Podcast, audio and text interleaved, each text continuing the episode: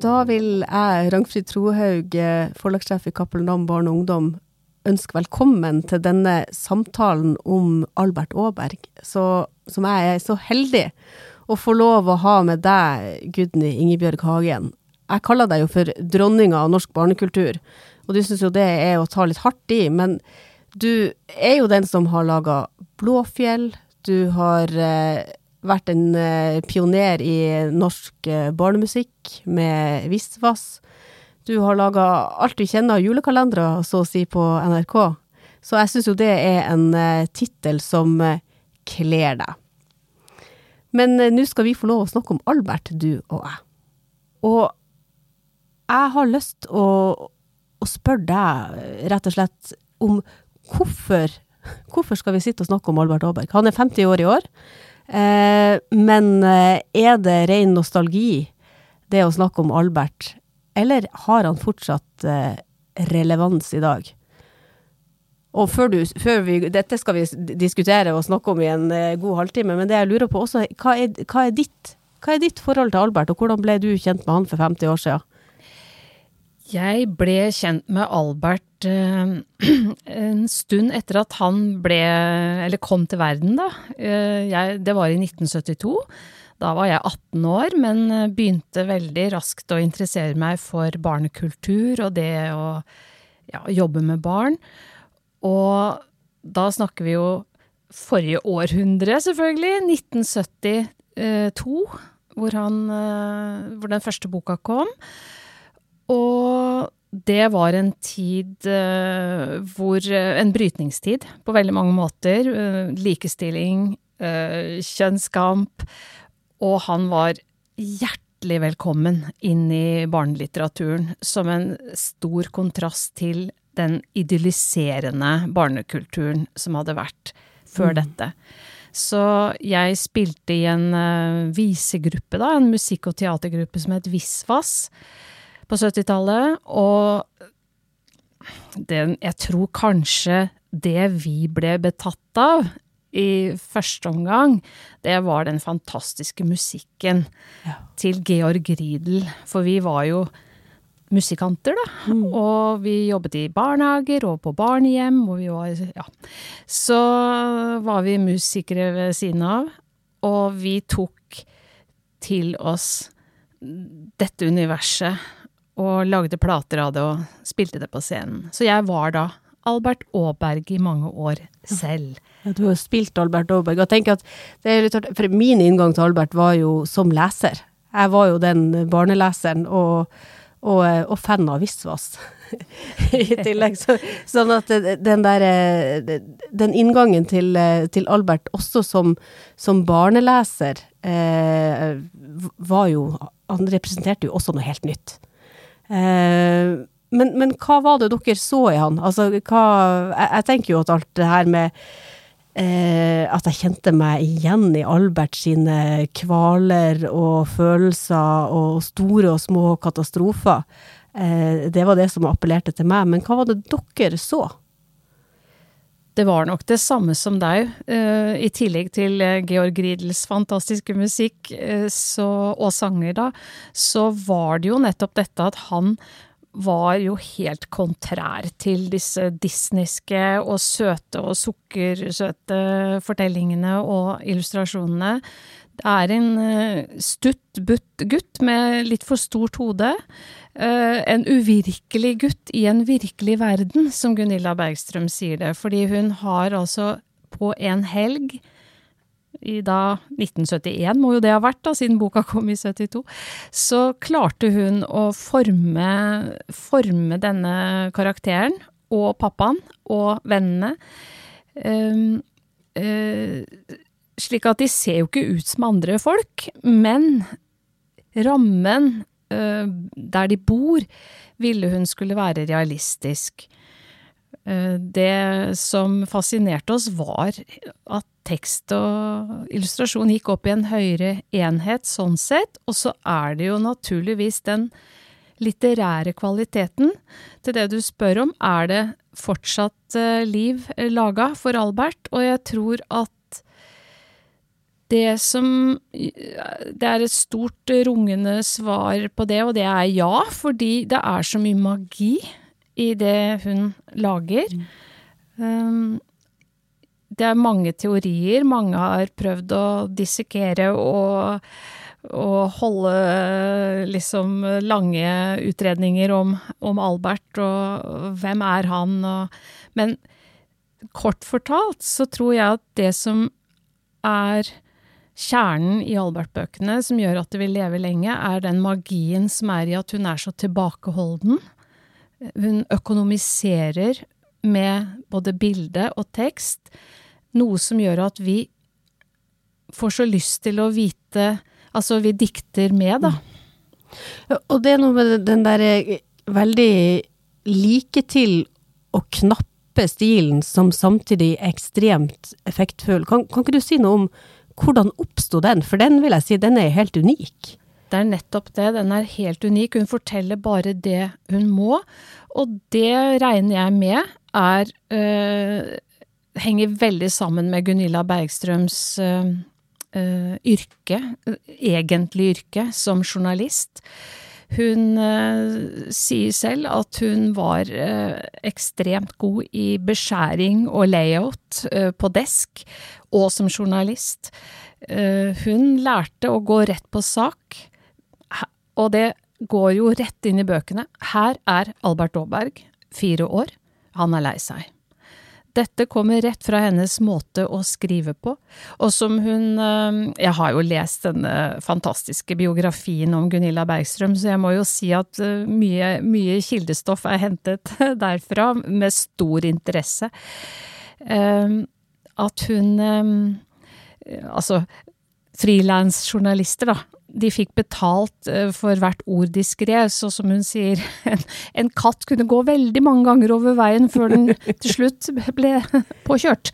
Mens hun var jo ikke der da. Hun eh, hadde fast jobb som journalist, og hun skrev disse korthugde tekstene. Jeg syns det er veldig interessant å se, uh, altså generelt, da, hvordan ting vi gjør, uh, hva vi lever av, uh, hvem vi er, alt henger sammen med, med alt. Ja, og så tenker jeg det eh, Du sa litt om bildene. Eh, hvordan eh, de, de, de, ser annerledes ut, og så har du dette realistiske blokkmiljøet og i det hele tatt. Og eh, som eh, forlagsmenneske så syns jeg det er ganske oppsiktsvekkende hvordan disse bildene ble, ble til. Kan ikke du si litt om akkurat det? Gunilla Eh, var journalist eh, for voksne, hadde aldri hatt noen tanker om å skrive for barn, heller ikke å skrive bøker, men hun er et skilsmissebarn, Gunilla. Hun uh, har to familier. En borgerlig familie hvor hun lærte forskjell på vals og ikke vals, som hun sier, og en særdeles bohemsk pappafamilie med litt for mye damer og drammer og fest og halloi. Eh, hun elsket å være begge steder, hadde massevis av halvsøsken, stesøsken, helsøsken og det svenskene kaller plastsøsken. Hun har en veldig fargerik barndom, og da tror jeg nesten man må bli forfatter. Men som person og journalist så var hun utrolig saklig, skrev forbruksjournalistikk, øh, intervjuet øh, alvorlige voksne mennesker. Så fikk hun lyst til å skrive om denne skilsmissen øh, i avisen. Fra et barns perspektiv. For hun syntes slett ikke det var en trist begivenhet. Det beriket henne. Og hun ville skrive om det. Og så var det noen som sa men dette er jo egentlig en barnebok. Så skrev hun da et manus som hun sendte inn til Rabén og Sjøgren, da, det svenske forlaget. Bare en liten Det er jo veldig morsomt å, å si hvem som da var redaktør der, eh, og som hadde dette manuset. Eh, pappa Nei, Mias pappa flytter, het det manuset. Selv ble hun kalt Gia. Og det sies jo at denne historien kan legges eh, som smørpapir oppå hennes egen opplevelse, da. Det var, denne redaktøren var Astrid Lindgren. Hun hadde da vært redaktør eh, i Rabén og Sjøgren og skulle gå av. Overlot eh, bunken, manusbunken til neste redaktør og sa her, her har dere noe. Da ble hun da forfatter, trodde kanskje hun kom til å bli engangsforfatter med denne boken, fortsatte å skrive for voksne, men øh, hadde lyst til å lage en bildebok. Det ble God natt, Albert Aaberg, hvor forlaget da sier nei, ikke, ikke billedbok, Denne, dette må bli, eller pekebok, pekebok, dette må bli en bildebok med tekst. Og sånn ble da Albert til, uten noen tanke på at det skulle bli er det 24 til? Eh, hun skulle jobbe som eh, voksenjournalist. Så det var litt by accident, litt fordi hun sier jeg har noe å fortelle, eller fortellingene vil bli fortalt. Så sånn startet det, og det jeg må si er jo at denne helgen, da, hvor hun utviklet disse karakterene, det må ha vært en lykkehelg, fordi hun har ikke forandret mye på det i de 50 årene som har gått, eh, eller i hvert fall eller de 25 bøkene som er skrevet, er veldig trofaste mot den formen hun fant, med kollasj og det var litt friskt, for at hun var jo ikke illustratør. Jeg tenker at det, det, det er jo der jeg tenker som forlagsmenneske at det, hun hvor det går. Uh, hun likte ikke Det var vel sånn at hun ikke likte illustrasjonene som forlaget. Det var det du ville fram til, det var ja. det du spurte meg om. Men ja, helt riktig. Hun uh, De forlaget foreslo illustratører, som hun sa nei, det er ikke sånn mine karakterer er. Og nærmest som et sukk så sa de da får du, da får du gjøre det selv, da. Og de visste ikke om hun kunne illustrere, men det kunne hun. Hun hadde tegnet veldig mye i barndommen. Uh, mye burleskt. Uh, sånn Storm P uh, var vel en slags husgud i pappas hjem, tror jeg, sammen med flere andre. Men hun tegnet altså ja, litt sånn stripeaktige uh, tegninger. Burleske fyllegubber. Altså tok det helt ut i svingene. Men det lignet ikke på noe av det hun gjorde. Men det, det var sånn hun begynte også med Mia. Mia, da. Det var der hun begynte.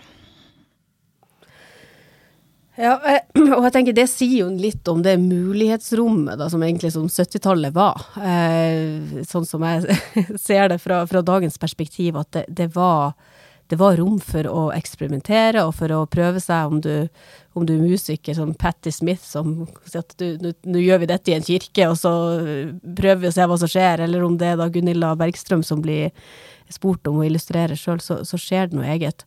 Og jeg tenker jeg har lyst til å snakke litt om universet og karakterene, fordi eh, Albert og faren, altså det, det, er jo det her Jeg har skjønt det sånn at det, det mest stilte spørsmålet på Albert Aaberg-huset i Gøteborg er hvor er mora til Albert? Eh, kan du si litt om det, det universet som hun har skapt, som er så som du sier, det varer i så mange bøker, men det er så konsistent. Eh, og eh, relativt lite på, på, mange vis. Kan du si litt om persongalleriet, og om, om dette med, med, både faren og den mora vi ikke hører noe om? Og ja, det er igjen dette som vi snakket om innledningsvis, at hun økonomiserer med, med hva hun Altså, hun, hun, gir ingen flere opplysninger enn det vi skal ha i den aktuelle historien. Og dette med mammaen, da, er jo et spørsmål som hun, Gunilla selv, eh, fnyser litt av. Hvorfor skal, hvorfor skal man stille det spørsmålet i barnebøker? Vi gjør jo ikke det i voksenbøker, men hvor er den og den? Men det er nå et barns eh, altså, ethvert barn har eh, Det er jo foreldrene som er det nærmeste, så det er jo naturlig sånn sett, syns jeg også, da. Nei, vet du hva, mammaen Altså, Albert er eh, Disse fortellingene er en sånn som jeg kaller en sånn titte, tittekassefortelling. Vi titter inn i en liten stund inn i denne blokkleiligheten, som du sier er et utrolig lite univers. Um, hun kan være hvor som helst. Hun kan være der det lesebarnet, eller du, eller jeg, som voksen, behøver at hun er.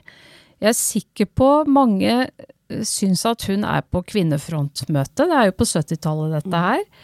Det er jo Det er jo eh, Det er liksom ikke bare det at hun er død, som veldig mange har spurt om. Det er mange muligheter. Hun kan være på jobb. Gunilla forteller ikke heller hvor pappa jobber. Han tar bussen, så vi skjønner at han er på en jobb. Så det er igjen dette magiske som gjør at dette vil vare og vare lenge, fordi hun tar oss med som medforfattere.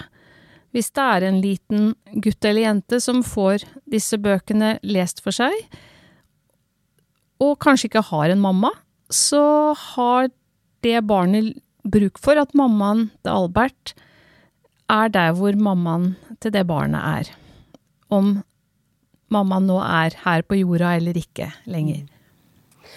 Ja, det, ja, det, er helt, helt, jeg er helt enig i det, at det, det, du kan bruke den fortellinga eh, akkurat sånn som du sjøl måtte ha behov for. Eh, og, og, det er vel en av grunnene til at eh, relevansen så til de grader fortsatt er der, fordi at du kan lese deg sjøl inn, inn, i det.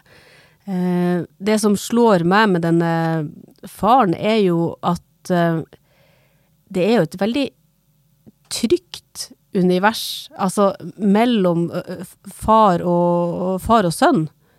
Så er det jo at ja, de krangler, og de maser på hverandre, og, og, og faren kan utmattes og sov, sovne på gulvet til slutt. Men det, det, er noe trygt og fint der. Det, det, jeg opplever det ikke, verken som barneleser eller som voksen, som, et, eh, som en, en, deprimert voksen som, som, enkelte tenker at eh, han må være fordi at denne mora er borte. Eh, jeg, jeg, tenker mer på at det her er en, en, en ganske trygg og fin, tilbakelent far som gjør så godt han kan. Jeg er helt enig. Eh, det er nettopp det han er. Han er trygg. Han er så trygg at han kan kose seg i eh, ørelappstolen med pipe og avis, og vet at der borte er Albert og lever sitt liv.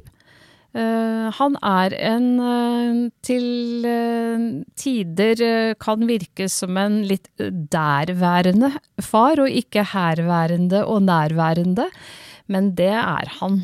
Eh, dette er slik eh, foreldrene i min generasjon var, og i Gunillas uh, generasjon. Nå er alle på SMS og lurer på hvor er, hvor er, hvor er du? Er du på vei hjem, ja? Mm, du, ja, kan, du skal bli med hjem dit? Mm, ja. Dette er en annen tid. Ja. Uh, og hun holder fast ved det, så hun mener at pappaen er en utrolig trygg pappa som har tillit til gutten sin. Åpenbart. Jeg syns det er helt åpenbart. Og han, uh, han, ser også når han skal gå inn i leken.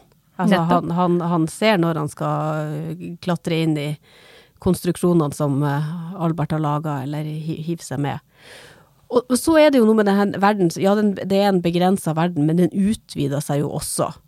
Um, jeg syns det er noe av det mest spennende og, og altså nervepirrende, egentlig. Det er jo de relasjonene som Albert har utafor relasjonen i, i blokkleiligheta med faren. Altså, og spesielt så tenker jeg på det her med ungene i gata. Altså, det er vel kanskje noe av det som viser at det er en, også en annen tid, fordi at de er så lite overvåka, som, som du var inne på. Eh, og hun tematiserer veldig eksplisitt og godt dette vold mellom barn. Altså at de, det, det, det, sies jo flere ganger at Albert han liker ikke slåssing, og han slåss ikke. Mm. Eh, hva, hva, hva, er dine refleksjoner rundt akkurat det her med den, den eh, veldig benevnelsen av slåssing som er i, i bøkene. Ja, det sies Det er som sagt, no, mange har forsket på, på disse bøkene, og det, det, det sies jo at Albert-bøkene er utrolig konfliktfylte. Uh, men det er jo dette at hun er så utrolig også Det er disse hverdagssituasjonene. Hun, hun strør glitter over eh, hverdagene og sier at hver dag er viktig, og det er full av mysterier uh, ute i gata og hjemme. Og dette med slåssingen, det er um, Altså, han slåss jo både med seg selv, sitt indre, og med de store. Han er ingen slåsser. Og det er det jo også både i sangene og alt. Altså, Albert Aaberg kjenner alle. Stor er han ikke og ikke så sterk, og slåss gjør han helst ikke heller. Det er veldig viktig for henne at hun eh, vil lage en som barna ikke skal se på som en sånn å, super, han, jeg vil også være sånn som klarer å banke opp uh, uh, Ikke sant? Nei, tvert imot. Uh, bar, lesebarnet får lov å kanskje være litt mer super enn Albert. Ja, og så er det Jeg syns jo den Altså, den boka der han eh, sjøl slår til en som er mindre, og har altså en dårlig samvittighet ut av denne verden, og den samvittigheten som vokser og vokser og vokser under senga, og, og bare blir større og større og større. Det Både som, som barneleser og som voksenleser, så, så kjenner, jeg, kjenner jeg med hele meg at den, den historia der har så stor kraft. Den har så stor kraft, og og den eh, viser at Gunilla Bergstrøm har stor psykologisk innsikt. Fordi at et lite problem kan bli til et stort traume. Eh, fordi han, han er jo faktisk traumatisert uh, i for eksempel den boka. En liten blodflekk blir stor blodflekk, og kanskje har han faktisk drept den lille gutten. Så Og Gunilla Bergstrøm uh, har jo ikke lagt skjul på at hun er, har mye mørke i seg selv, og sier at Albert er mitt talerør. Jeg har hatt bruk for Albert og, til å fortelle om uh, mørke. Og hun vet mye om dette. Det er jo helt åpenbart at fra, fra et pedagogisk syns, uh, synsvinkel så ser du at dette er en som vet hva hun driver med fra A til Å. Uh, psykologen Jesper Juel sier jo at uh, Gunillas bøker er, er, kunst, og kunst har mer kraft enn pedagogikk. Det likte hun. Ellers så har hun vært, som hun sier selv, litt surbuble når folk skal begynne å analysere for mye, da. Så jeg vil også gjerne være litt forsiktig med å fortolke henne. Men mm. uh, bare som utenforstående så, så ser jeg at det er så mye varme og klokskap i både sangene og tekstene og tegningene og Ja, og det, der, det er vel der man kan se i, i all sin kraft hvordan dette så til de grader er et et, altså god litteratur å, å, bruke som utgangspunkt for, for, samtale. Nettopp fordi at altså, som barn så har man jo ikke språk eh, alltid for sin, sine egne opplevelser og sin egen væren i verden. Men at gjennom Albert så, så får man språk for nettopp det der, den blodflekken som blir større og større, og det udyret under senga som blir større og større. Så, sånn at det om, om pedagogisk eller ei, det, det har en, en, kjempekraft, rett og slett. Akkurat det du sier der, eh, er, er nok eh, ble nok mye større enn det Gunilla selv var klar over. Fordi eh, for eksempel Rinkeby i Sverige, som vi har hørt om som et mangfoldig og, og sterkt konfliktfylt sted. Der har eh, hun vært mange ganger med Albert. Der har uh, nettopp dette konfliktfylte stedet uh, og de lavtfungerende barna, da, fått språk for dette med slåssing, følelser, Altså det er brukt terapeutisk.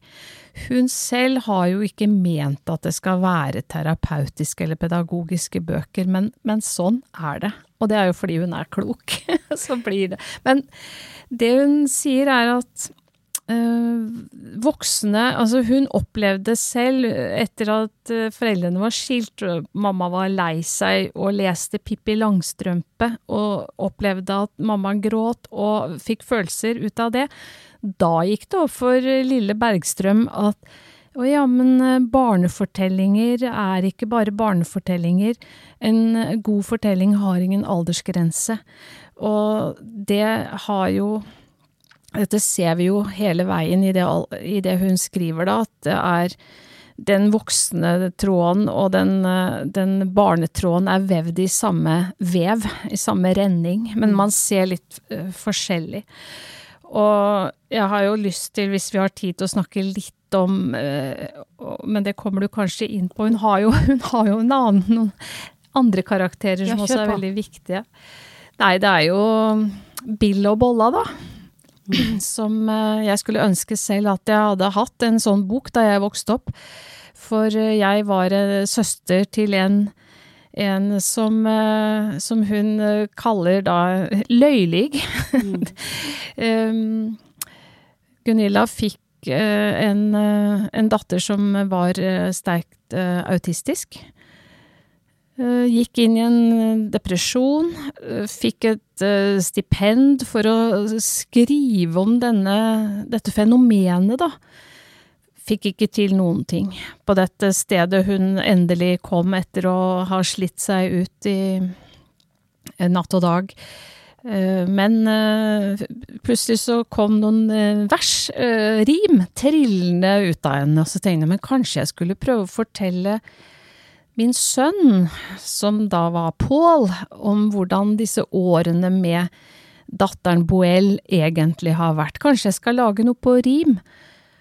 Og det ble Bill og Bolla, og den er helt fantastisk. Det er et lite mesterverk, og som hun eh, da selv i løpet av den sier Men kanskje vitsen med sånne små er at vi kloke skal få noe å fundere på.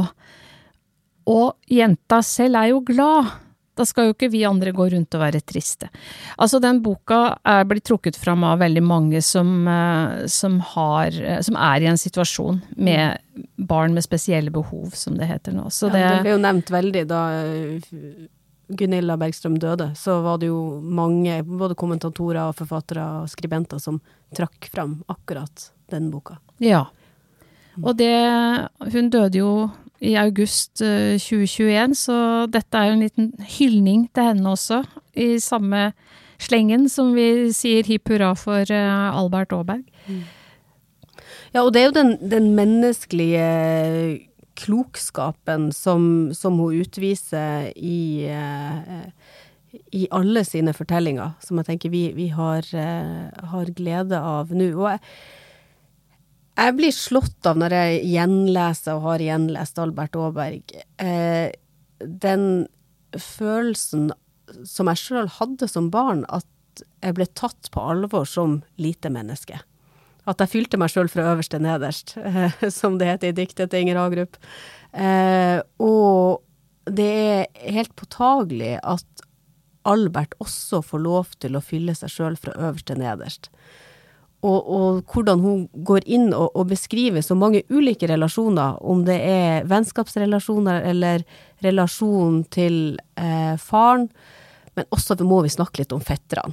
Altså, jeg, jeg er sjøl lille, også storesøster, men jeg er definitivt lillesøster òg, og har store fettere og, og store, store, brødre. Så altså, fetterne, mm. de er viktige. Ja, det, den boka, jeg, jeg, har den med meg her, den er altså full av gul, tørr teip. Eh, den er lest i filler av uh, meg selv og egne barn. De gjorde så stort inntrykk, de to fetterne. Og der kan vi også, uh, bare for å nevne det dette med illustrasjonene, da, hvor kakeboksen er veldig gul. For Gunilla sier 'glem inte det gula'. Alt som er hyggelig, er gult. Når han sitter på do, og de store gutta utenfor, som han syns er så skumle, sier det var jammen modig av eh, Albert å si at han ikke turte å slåss. Da er det gult i nøkkelhullet, og jeg synes det er så fantastisk at hun har holdt på det hele veien. Så de store gutta, fetterne, dette er, uh, dette er reelle trusler uh, mot hans uh, verdensordning som er eh, veldig ryddig. Altså, Albert Aaberg er en perfekt liten kar, og han sammen med pappa for koronatid og isolasjon, ja, de har det så bra som de har det. Og så kommer disse uryddige fetterne og er til og med dobbelte, på en måte. De står med arma i kors og er altfor store, og det er veldig bra tenkt, da. Ja, og det er veldig bra tenkt eh, som bilde på hvordan eh, din egen verdensorden blir frykt og, og, kommer ut av balanse, og du har rett og slett ikke kontroll. Nettopp. Det, der sitter de hos trygge farmor, eh, og så hvor det sikkert er nok av kaker og saft, men så kommer de og tar farmor eh, inn i kortspillet, og så en liten tankeløs farmor der. Og det er også den Det er også interessant å lese. Ja, ikke sant. At uh, hun lar oss alle være hele hele voksne, hele figurer med, med, feil, og som du sier, å fylle oss selv på kryss og tvers, og det er jo da med uh, Det er jo da med feil og, og, og det hele. Så uh, det er Det er uh, Altså dette å være i rolle, som noen sier. Ja, nei, men jeg liker å være i foreldrerollen, jeg liker bestemorrollen, jeg liker Det, det syns jeg er så trist å høre. Og, og da, er vi, da, er vi, jo ikke hele mennesker, da. For da Nei, nå er jeg i foreldrerollen, så nå er jeg perfekt foreldre, og nå er jeg jo i den rollen. Vi må ikke gå rundt og spille roller. Og det er det nettopp farmor og, og pappa og disse ikke gjør. Nei, det, og det er helt Jeg kunne ikke vært mer enig. Altså, vi, vi, går eh, rundt i verden som mennesker og gjør som best vi kan i, i alle livets aspekter. Og, og, det er jo nettopp der han eh, Altså Bertil, faren, er så knallgodt framstilt, da. Fordi han, eh, han er seg sjøl. Han han, han er fjern og nær. Han er sliten og opplagt. Han er Blid og sur. Og så tror jeg han har en liten midtlivskrise, uten at det blir sagt. Ja, fortell litt om det, for det, det, det, fikk ikke barneleseren med, med, med, meg. Nei, for det er jo i den eh, boka hvor, eh, hvor alt er litt sånn Å, det er så mye regninger som skal betales, og det er sånn alt disse voksentingene, og så må pappa kjøre Harley, Harley Davidson sin på sukk-sukk på verksted. Og da blir det sånn Hæ? Har pappa en Harley Davidson? Det har vi da aldri hørt eller sett, men, men, det har han da her, og den er tegnet til og med. Og det er denne subtile måten igjen hvor hun får sagt at å ja, han har en eh, Ja vel, han er jo Går rundt der og loffer og har kjøpt seg en motorsykkel. Det vet jo vi at den kommer han til å selge ganske fort igjen, ikke sant? Og det samme med da farmor Ja, det, farmor skal bygge Eller eh, unnskyld, hun skal rydde bort julepynten. Så klarer Gunilla også på like subtil måte å si at jula er en kristen høytid. Men den måten hun sier det på, er at Og så stapper farmor Jesubarnet ned i en skoeske. Å oh, ja. Uh, og, og, det er altså disse små informasjonene, og det samme er, og det igjen, at hun har klart å holde på den formen allerede i God natt, Albert Aaberg, den første boka, så gir hun en liten hilsen til oss, direkte til oss lesere også. Se, slik ser han ut, eller nei, nå må vi være stille, for nå tror jeg han sover. Altså en liten sånn Det samme når pappa da som du var inne på, er også litt gal og glad. Han, han damer seg, han kler på seg dameklær og jeg vet ikke, kanskje det er en liten homasj til de som syns det er hyggelig. Det er mulig. Mm. Men da sier hun sånn obla di, obla da, sånn ser han ut. Og da er det til oss. Og det er altså bare sånne små, små Så det er så mange lag. Hun har altså funnet en form som er helt unik. Ja, og det er jo også interessant og fint, syns jeg, at hun, ikke har så lyst til å si så mye om det. Nettopp fordi at da, da får vi, som du sier, lov til å lese inn og tolke og, og føle akkurat sånn som vi sjøl måtte, måtte, synes er riktig. Um, jeg, jeg, tenker jo at, eh, og du var inne på det, at den der eh, litterære styrken som ligger i som, som ligger i Albert-bøkene, kombinert med en eh, Altså en, en sånn psykologisk eh, innsikt og klokskap. Eh, det, det, får meg til å tenke at ja, det er intet nytt under solen. Ja, det er greit at de, de drikker saft etter de har pussa tennene. Det er jo altså, det, det, det, er det mest sjokkerende i bøkene egentlig for dagens barn. Det at, uh, at han får, får, saft på sengekanten. det, ble, det ble gjort om, da. Ja. Til vann. Ja. Der, der, hadde hun et lite knefall som jeg tror hun kanskje angret på. Men hun fikk så mye kjeft for den saften.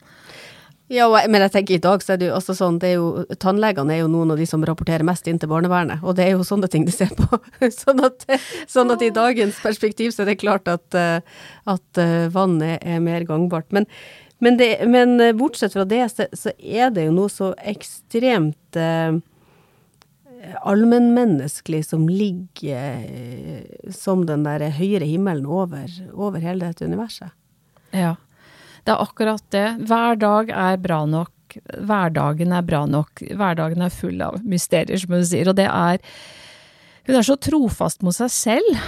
Uh, og så kan det hende at i noen bøker så merker vi en annen Albert, f.eks. i denne Så rart Albert Aaberg, som jo er mer filosofisk sånn ehm, Å, kanskje Altså, det er, ikke, det er ikke en hendelse i Alberts liv, men det hender noe inni han hvor han uh, tenker er, er, det hele meg? Er jeg et futteral? Er jeg en, mm. bare en kropp?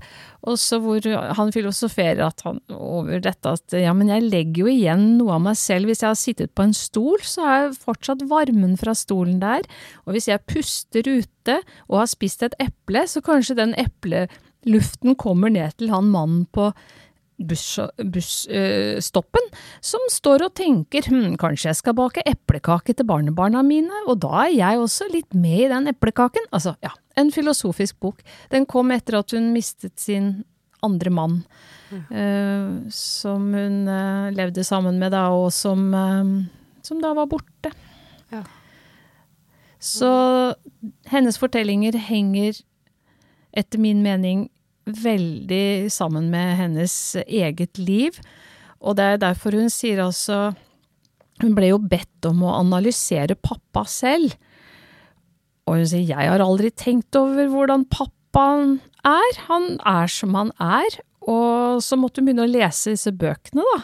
Og se hva hun fant. Og fant vel at han er som hun mener pappaer er. Ikke noe mer huks flux eller hokus pokus enn det. Nei, og jeg tenker, En ting som vi ikke har vært inne på, som jeg syns vi skal eh, si to ord om før vi mm, gir oss, det er jo disse andre menneskene. Altså, vi har jo en, en eh, Vi har snakka om, om, farmor og fetterne, det er jo også en tante involvert. Men Milla og Viktor og Skybert, hva, hva, hva vil du si om dem? Altså, for å ta Skybert først, da. Uh, han var jo med da vi spilte uh, i Visvas også. Det var uh, det å ha og opplevde at han var en veldig sterk karakter. Det er jo veldig interessant. han var en fantasifigur. kanskje kan man si at det vi kjente til før, før det var, var Karlsson på taket. Men han er jo ikke en sånn fantasifigur, for han er jo en du lurer på om fins, og han prater og han driver med rampstrek, altså på et helt annet nivå, da, mens hun lager han her som en sky, og er helt klart en fantasi. Og mange vil nok tenke at det er ikke bra at barna lever med sånne fantasifigurer og begynner å snakke med og, og ilegge dem så mange egenskaper som Albert faktisk gjør, da. Ikke sett deg på den plassen på bussen, pappa, der sitter jo Skybert. Og neimen, har du ikke dekket på til Skybert? Og pappa, da, kloke pappa, han anerkjenner Skybert. Det er så nydelig. Ja og sier å, unnskyld, selvfølgelig skal vi dekke på til Skybert. Så, så han får lov Har ikke alle barn det, da? Har ikke, har ikke alle, de aller fleste barn en eller annen fase der de du som har jobba masse jo. med barn i barnehage og sånn, har de ikke det? Jo da, de har, de har fantasiverdener, og da er det jo litt trygt å se Jo, men de klarer å skille mellom fantasi og virkelighet. De kan gå inn og ut av den. Akkurat som de går inn og ut av for eksempel sorg. Eh, de tar inn så mye sorg som de klarer, og så må de ut og leke og være glade, og så kan de gå inn i den igjen. Og akkurat sånn er det med, med Skybert også. Eh, for når Viktor kom, da, en ordentlig venn av kjøtt og blod, da forsvant Skybert til en som kanskje hadde bruk for han. Å, det er så nydelig. Mm. Og Milla, da, som du spurte om, hun eh, Dette var eh, kanskje litt påtatt, denne problematikken med at å, leke med jenter. Den ser jeg ikke i dag. Kanskje den var mer aktuell den gangen, at gutter og jenter, eh, eller særlig gutter da, ikke skulle leke med jenter. For det, det har hun jo tematisert. Men så viser det seg at Milla er jo den tøffeste som kan klatre i trær og bygge hytter i trær og og de store gutta står nede og også vil bygge sammen med Milla, eller bygge sånn. Så det Nei, men det er, det er et fantastisk univers uh, som vil leve veldig lenge. Ja, det vil det absolutt. Og et helt siste spørsmål til deg. Det er jo ikke sånn sett lov til å ha favoritter, men har du ei bok som betyr spesielt mye for deg av Albert-bøkene? Jeg er veldig glad i de første bøkene. De, de, betyr jo selvfølgelig veldig mye for meg, fordi det var, det var jo liksom de historiene som var en del av, av, meg i veldig mange år. Men jeg har, eh, er såpass åpen at jeg kan se at uh, også de nyere bøkene Altså den Så rart hvor hun filosoferer, uh, eller Albert filosoferer. Men jeg, ja, nei, jeg syns at i dag, når vi feirer uh, Albert så trekker jeg fram God natt, Albert Aaberg, altså. Bare for å markere at det er den første som slo til med alt på en gang, og som hun har vært trofast mot. Men så sier Gunilla ah, pappa sovnet ikke vel, gikk dere på den? Nei, nei, nei, han bare later som han er lei av å gå ut og inn. Det var godt at jeg fikk endelig det oppklart. Jeg har alltid trodd at han sovna. Jeg òg. Tusen takk, Gudne Ingebjørg Hagen. Og gratulerer til Albert. Tusen takk for at jeg fikk være med å snakke om en av mine nærmeste karakterer i mitt liv.